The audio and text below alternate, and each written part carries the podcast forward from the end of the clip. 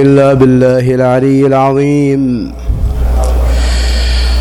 صلى الله عليك يا مولاي يا أبا عبد الله. صلى الله عليك يا مولاي يا ابن رسول الله. يا رحمة الله الواسعة. ويا باب نجاة الأمة غريب يا مظلوم كربلاء. يا ليتنا كنا معكم سيدي. فنفوز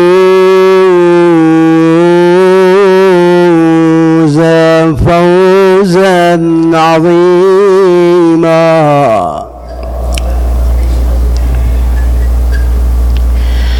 حقيق علينا حقيق علينا أن ننوح بمأتم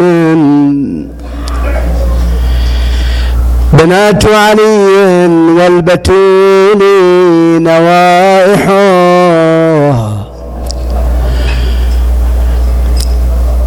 مصاب يذيب الصخر فجعة ذكره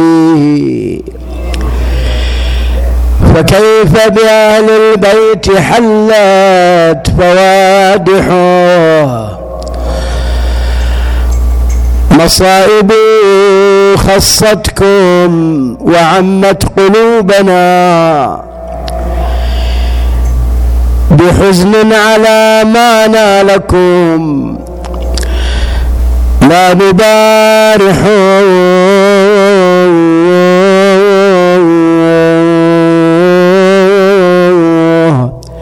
غداة أبي الضيم فردا تزاحمت. علوج أعاديه عليه تكافح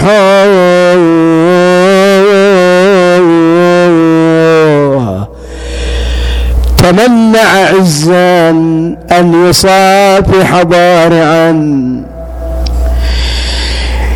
يزيدا ولو أن السيوف تصافح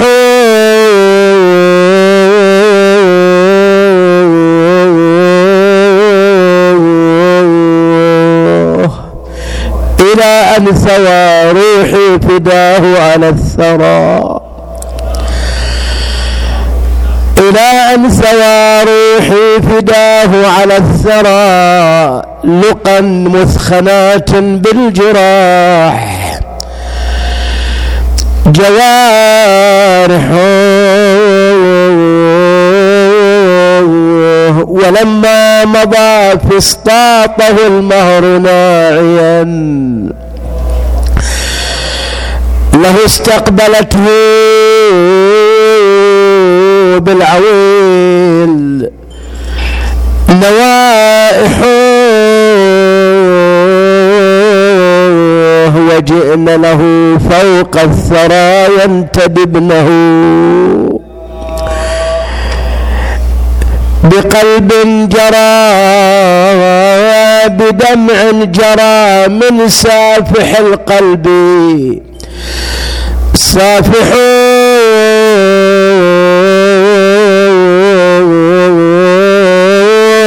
أيهدى إلى الشامات رأس ابن فاطم. وينكته بالخيزرانة كاشح وشيبته مخضوبة من دمائه. يلاعبها غاد النسيم. ورائح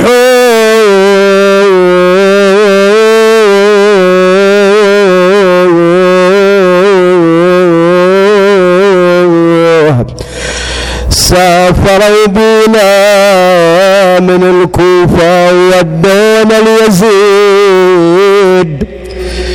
سيرونا مثل سبي الروم لو سبي العبيد. والذي نحل عظامي شافت رأس الشهيد. رافعين أقبال عيني يهل دمعي من نظره آه من هضم لقيته من يزيد مجلسه.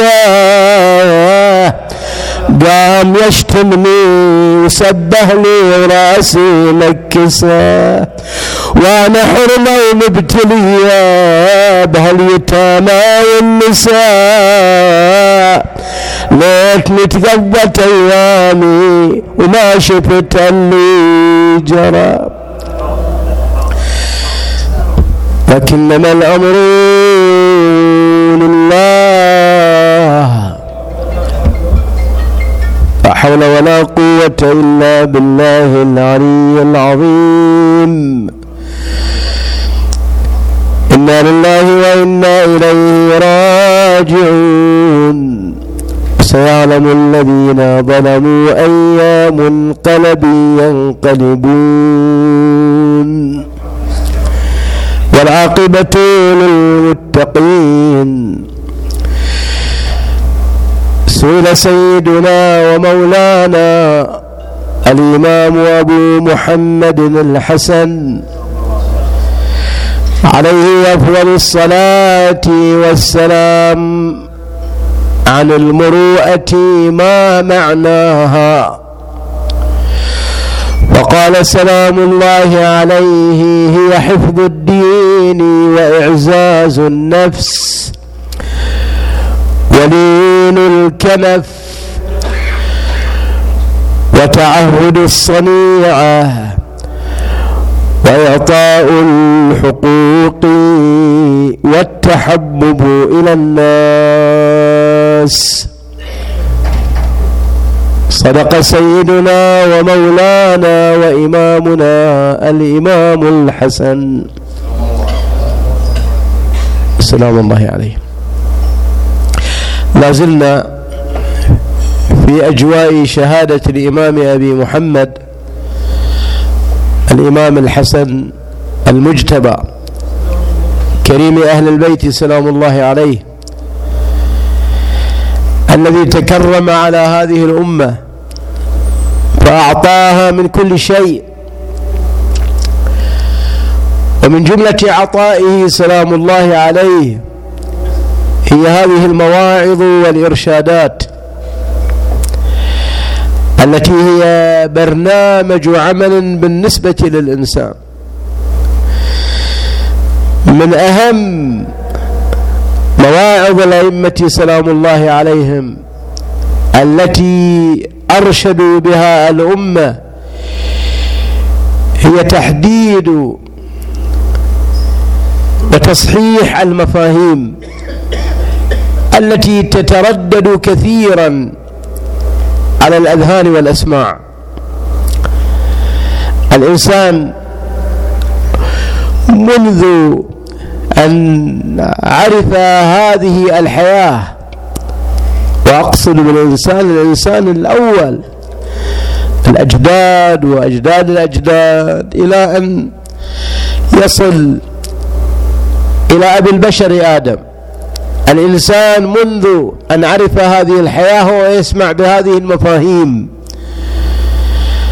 مفهوم الصبر مفهوم المروءة مفهوم الكرم. هذه مفاهيم لا تتبدل كألفاظ ككلمات لكن الذي يتبدل هو الفهم. في كثير من الأحيان فهم الناس يكون خاطئ. ولهذا دائما نسمع في محاوراتنا أن تفهم خطأ. ليش يفهم خطأ الإنسان؟ أن المفاهيم هذه هي. لكن الفهم فيما يراد بهذه الكلمات. إذا قال عن واحد أنه إنسان عزيز عزيز حتى أحيانا يمكن ما يسأل عن مسائل الشرعية ويقولون عزيز. لا هذا إنسان مهمل. فالشاهد من أهم مواعظ أئمتنا سلام الله عليهم هي تحديد هذه المفاهيم وتصحيحها. حتى الناس لا يفهمونها خطأ. من هذه المفاهيم هي كلمة المروءة. إحنا نستخدم الكلمة كثير نقول فلان عنده مروءة وفلان ما عنده مروءة. صحيح. ما هي المروءة الإمام الحسن سلام الله عليه يعطي للمروءة هذا المفهوم الشامل اللي تحته هذه الأركان الستة. شايفين أحيانا كلما كبرت العمارات السكنية تحتاج إلى شنو قواعد أكثر. إذا بيت عادي دور واحد أقل. طبعا. أما إذا كان 12 دور و... و100 دور ربما بعد الأبراج تحتاج إلى قواعد أكثر. فالإمام سلام الله عليه لأهمية هذه الكلمة لأهمية المفهوم أهمية المروءة. ما هي المروءة؟ أعطاها ووضع تحتها هذه القواعد الستة. قال سلام الله عليه هي حفظ الدين. هذا أهم قاعدة. أهم قاعدة في المروءة أن صاحب المروءة يحافظ على شنو؟ على دينه. لا يكون يكون الدين آخر ما يفكر فيه. وأول ما يضحي به ينقل في حالات السيد حسين البروجردي رضوان الله عليه. سامعين أحد مراجع الطائفة. هذا كان من أوائل من فكر في موضوع المغتربين في الخارج. كانت في بلاده جاليات. عرفت الهجرة. نعم قديما. من أول من هاجر من المؤمنين. نعم إلى ألمانيا وكذا. فالشاهد يقال أنه أرسل مبعوث من قبل إلى الظاهر ألمانيا ربما. الشاهد كتب للسيد بعدين قال سيدنا الوضع قد يقتضي أني أغير ملابسي شوية. يعني بدل ما أكون معمم مثلا أو شيء ألبس لباس البلد. قال خلاص شوف لنا واحد غيره. إذا من أول شيء بيغير شكله هذا شيء شيء يبقى بعد. كل يوم بيسوي له شيء ثاني. فالشاهد ينبغي على الإنسان في الحقيقة أنه أن يكون الدين أهم ما يفكر فيه. يقول سلام الله عليه حفظ الدين. أهم عنصر من عناصر المروءة أن الإنسان يحافظ على دينه. يحافظ على دينه فلا يتخلى عنه بسهولة. ويحافظ على دينه أينما وجد صعوبة. وكيف ما كانت هذه الصعوبة؟ صحيح لا يكلف الله نفسا إلا وسعها. صحيح أحيانا أن الدين يعطي بعض المبررات لكن مو بسهولة. ليس من السهولة أن الإنسان يضحي بالدين وبالواجبات و هذا أول شيء. أول حفظ الدين. اثنين وإعزاز النفس. من عوامل المروءة أن الإنسان يحافظ على هذه العزة. ولله العزة ولرسوله وللمؤمنين. الإنسان ما يصير يضحي بهذه العزة. ورد في بعض الروايات أن الله سبحانه وتعالى فوض لعبده المؤمن جميع أموره. ولم يفوض له أن يذل نفسه. هذا مو مسموح له. يعني لو افترضت إني أنا أقول والله أنا حر أبي أذل روحي. لا مو بكيفي. ولهذا يقول سلام الله عليه وإعزاز النفس. الأشخاص البعيدون عنا إن شاء الله. اللي دائما يكونون تحت بروق المطامع. الإمام أمير المؤمنين سلام الله عليه. نعم. له كلمة هذا مضمونها. أن كذا وفاة تحت بروق المطامع. لما يكون إنسان أكو مطامع قدامه يطيح تحتها وهكذا الإنسان لما تكون هناك شهوات والعياذ بالله يضطر أن يذل نفسه حتى يحصل على تلك الغاية. صحيح؟ وإعزاز النفس هذا لازم أي شيء فيه إعزاز للنفس لابد أن يحافظ عليه الإنسان. ليس له أن يذل نفسه. شوف بعض الأشخاص مساكين ضعيف ضعيف النفس.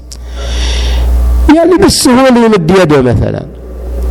أكو ألف وسيلة وسيلة ربما لمعالجة بعض المشاكل. بعض الفقراء يقول عنهم القرآن لا يسألون الناس إلحافا ما يذلون أنفسهم. ثم يقول سلام الله عليه بعد إعزاز النفس لين الكنف. لين الكنف يعني لا يكون إنسان قاسي القلب فض الكلمات. هذه يسمونها لين الكنف فبما رحمة من الله لنت لهم. ولو كنت فظا غليظ القلب لانفضوا من حولك. ترى القرآن ما في تكرار كثير. يقولون الفرق بين الفظاظة والغلظة. الآية قالت ولو, كن ولو كنت فظا غليظ القلب. الفظاظة يقال أنها في الكلمات. فظ يعني كلام جازع مثل ما نقول. والغلظة هي في التصرفات. يعني تصرفاته دفشة مثل ما نقول في مثلنا المحلي. إذا من أركان المروءة أن الإنسان يكون لين الكنف. رقيق في التصرفات هادئ في الطباع. كم صاروا الآن؟ أربعة ثلاثة. حفظ الدين وإعزاز النفس ولين الكنف ثلاثة أحسنتم. وتعهد الصنيعة. حقيقة هذه كلمة إيش معنى تعهد الصنيعة؟ يعني إذا الإنسان كان متعود على عمل خير لا يقطعه. صح؟ متعود إنك مثلا تعطي الناس افرض بعض المسائل الشرعية هذا فيها فائدة ولا ما فيها فائدة؟ تقطعها عنهم. متعود إنك تتصدق على فقير لا تقطع هذه العادة. الصنيعة هي ما يصنعه الإنسان من عمل الخير. لازم الإنسان يتعهدها ويداوم عليها. هذا من المروءة أيضا. وتعهد الصنيعة بعد بقي اثنان. وأداء الحقوق. لما نتكلم عن الحقوق مو فقط الحقوق الشرعية يعني خمس وزكاة هذا طبعا من المهم جدا. لكن إيش كثر الحقوق على الإنسان؟ الإمام زين العابدين سلام الله عليه سجل في رسالة الحقوق خمسين حقا. هذا اللي ذكرها الإمام سلام الله عليه. ابتداء من حق الله في العبادة وفي الواجبات كل هذه حقوق. وانت ومرورا بحقوق الجوارح على الإنسان. ترى جوارحك لها حقوق عينك لها حق رجلك لها حق سمعك له حق. نعم. ومعروف معنى المحافظة على هذه الحقوق اللي الله سبحانه وتعالى منحك إياه لا تستخدمه أيها البعيد فيما لا يرضي الله عز وجل. لا تطالع بهذه النعمة نظرة محرمة لا تمشي بهذه الرجل إلى مكان يحرم عليك أن تذهب إليه. كل هذه تسمى بأداء الحقوق. الإنسان صاحب المروءة لازم يؤدي هذه الحقوق المفترضة عليه. حق الأسرة حق كذا وكذا. يقال أن أحد أئمة الجماعة في النجف كان أحيانا يتغيب. يعني مثلا يصير وقت الصلاة ما يجي. يسألونه ليش؟ قال اليوم عدالتي شوية صار فيه شيء يقول صرخت في البيت من غير سبب. هم بعد أيضا أهل البيت لهم حقوق. صح على أن لك عليهم حق. زوجة أولاد كذا وكذا. بس أيضا يعني تؤذيهم بغير وجه حق مشكل هذا. وكان أحيانا كما ينقل ما أعرف بالضبط منه بس كان يقال إلى هذا الحد كان دقيق. اذا من وسائل المروءة ومن أركانها أن الإنسان يؤدي هذه الحقوق كلها. وأداء الحقوق سادسها وأخيرها التحبب إلى الناس. الإنسان صاحب المروءة يتودد للناس يتحبب لهم يعطيهم الكلمات. نعم حقيقة هناك شكايات حتى في الكلمات مثلا. ناس كلامهم يعني كلش يعني صخر صاير. أكو بعض الأشخاص لا. يقولون في مثلا عمي حكيه ينقط عسل. هذا هو التحبب للناس. صحيح أبو بدر؟ نعم. هذا بالنسبة لهذه الكلمة. لما سئل عن المروءة قال هذه معناها حفظ الدين وإعزاز النفس بعد وتعهد الصنيعة إلى غير ذلك. ستة أشخاص ستة أركان. أئمتنا سلام الله عليهم. بقى شوية حوالي عشر دقائق مو مشكلة. الأئمة عليهم أفضل الصلاة والسلام ومنهم سيدنا ومولانا الإمام الحسن المجتبى الذين رفضونا بهذه المفاهيم وبهذه الكلمات. ترى حياتهم كلها تطبيق لهذه المفاهيم. أصحاب مروءة. لا بأس أن نتحدث عن شخصية من ذرية الإمام الحسن سلام الله عليه. سامعين بشهيد فخ. أيوة الحسين بن علي. هذا الحسين بن علي ابن الحسن ابن الحسن ابن الإمام الحسن. ثلاثة ها؟ الحسين بن علي جده يسمى بالحسن المثلث. وأبو جد الحسن المثنى. وجد جده الإمام الحسن السبط. نعم الحسين بن علي ابن الحسن ابن الحسن ابن الإمام الحسن. هذا يسمى بحسين الخير. حسين الخير لأنه أصبح مضربا مثل في العمل الصالح. صاحب مروءة صاحب عطاء. كرمه يضرب به المثل حتى رويت قصص كثيرة. ولا غرو في ذلك ومن أهل هذا البيت. يقال في ترجمته يوم من الأيام لأنه كان يتعهد الصنيعة مثل ما قلنا في تعريف المروءة. احتاج أن يحافظ على ميزانيته إذا صاحب التعبير يقترض بعض الأموال. معود ناس وكذا فيبغى يمشي على هذه العادة. فاقترض مالا قال أنا أبي قرض حسنة أربع آلاف درهم. شاف له واحد وسيط. قال الوسيط والله اليوم في ألفين موجودة. أجيب لك ألفين اليوم وبكرة أجيب الثانية. مو مشكلة خلاص. فأحضر له المقدمة. قرض. وضع الألفين من الدراهم تحت مصلاه كان يصلي لعله نعم. وضع المقدمة تحت المصلى على بكرة ما يحصل الألفين الثانية جي يوم ثاني بيكمل القرض. ما شافها وينها؟ قال راحت خلاص. فالشاهد يعني عطاؤه بهذه الكيفية بهذه السرعة. الحسين بن علي هذا الذي يلقب بحسين الخير هو صاحب الواقعة التي تسمى بواقعة فخ. واقعة فخ وقعت في أيام الإمام موسى بن جعفر. سلام الله عليه. نعم. هذا الإنسان كان والله على المدينة المنورة شخص جدا سيء.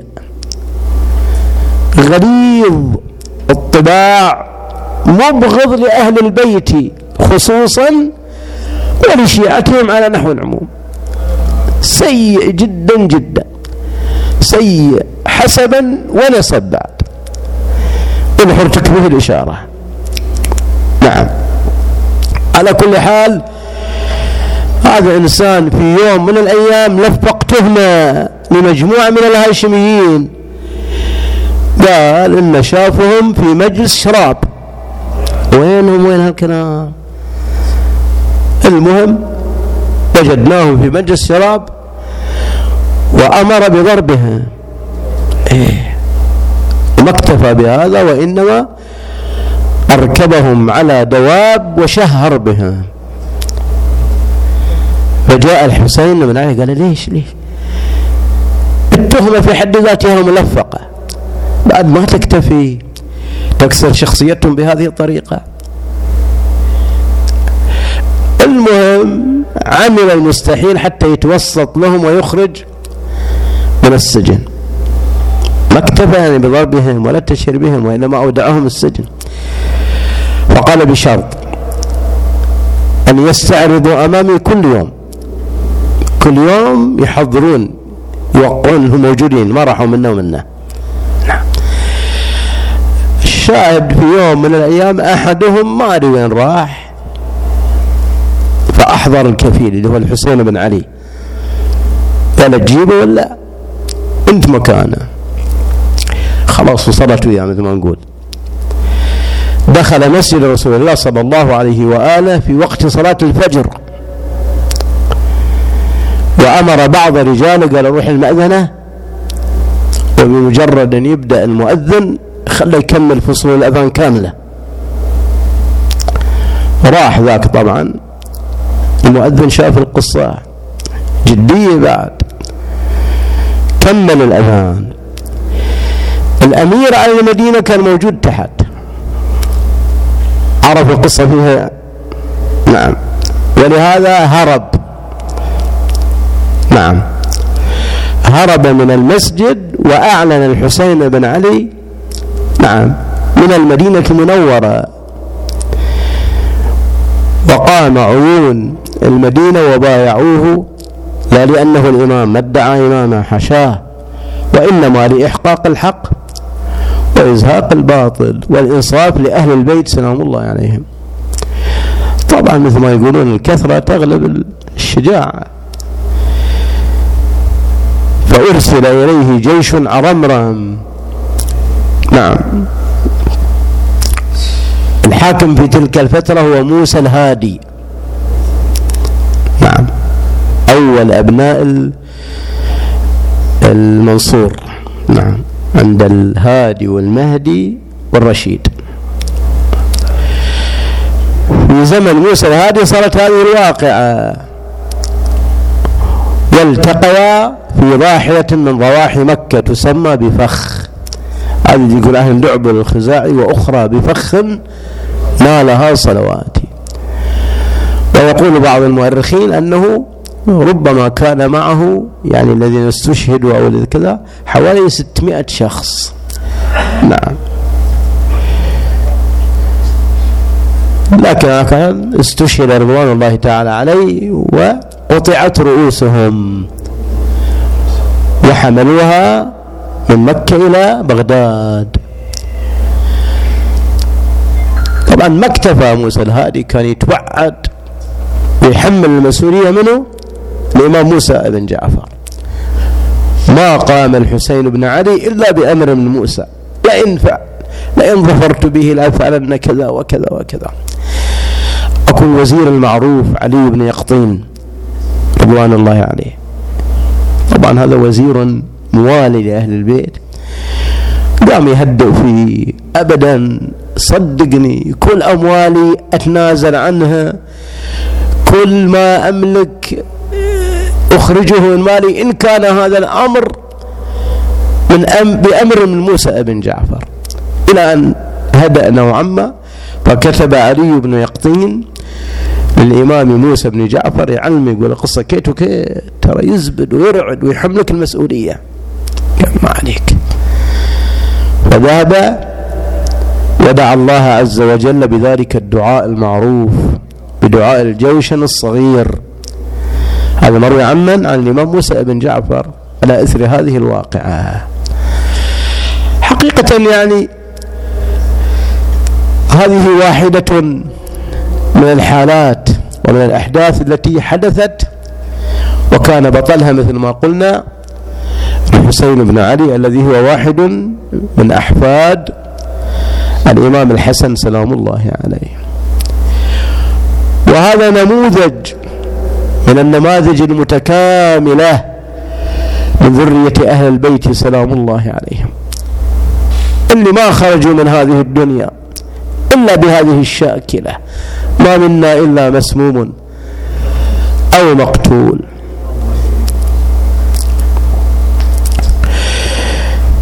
فلهفي عليهم فلهفي عليهم ما قضى حتفا فيه. كريم لهم إلا بسم وصارم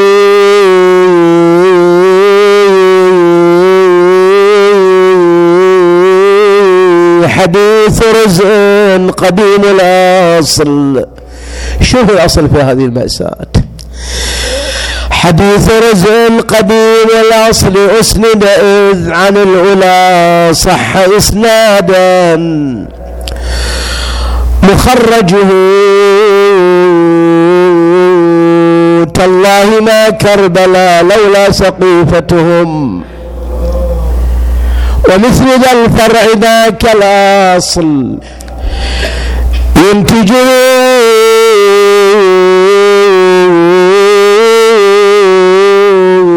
وبالطفوف ضرام النار من حطب. وبالطفوف ضرام النار من حطب بباب دار ابنة الهادي. تأججه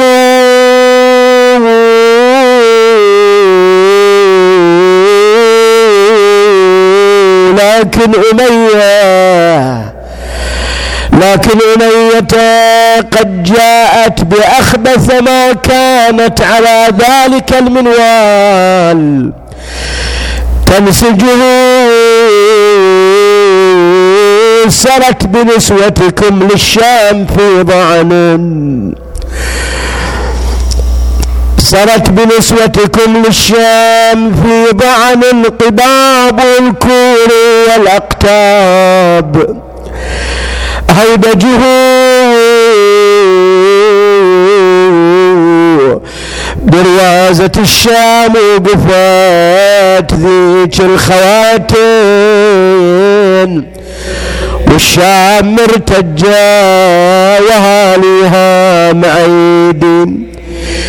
كل الخلايق لابسين جديد الثياب.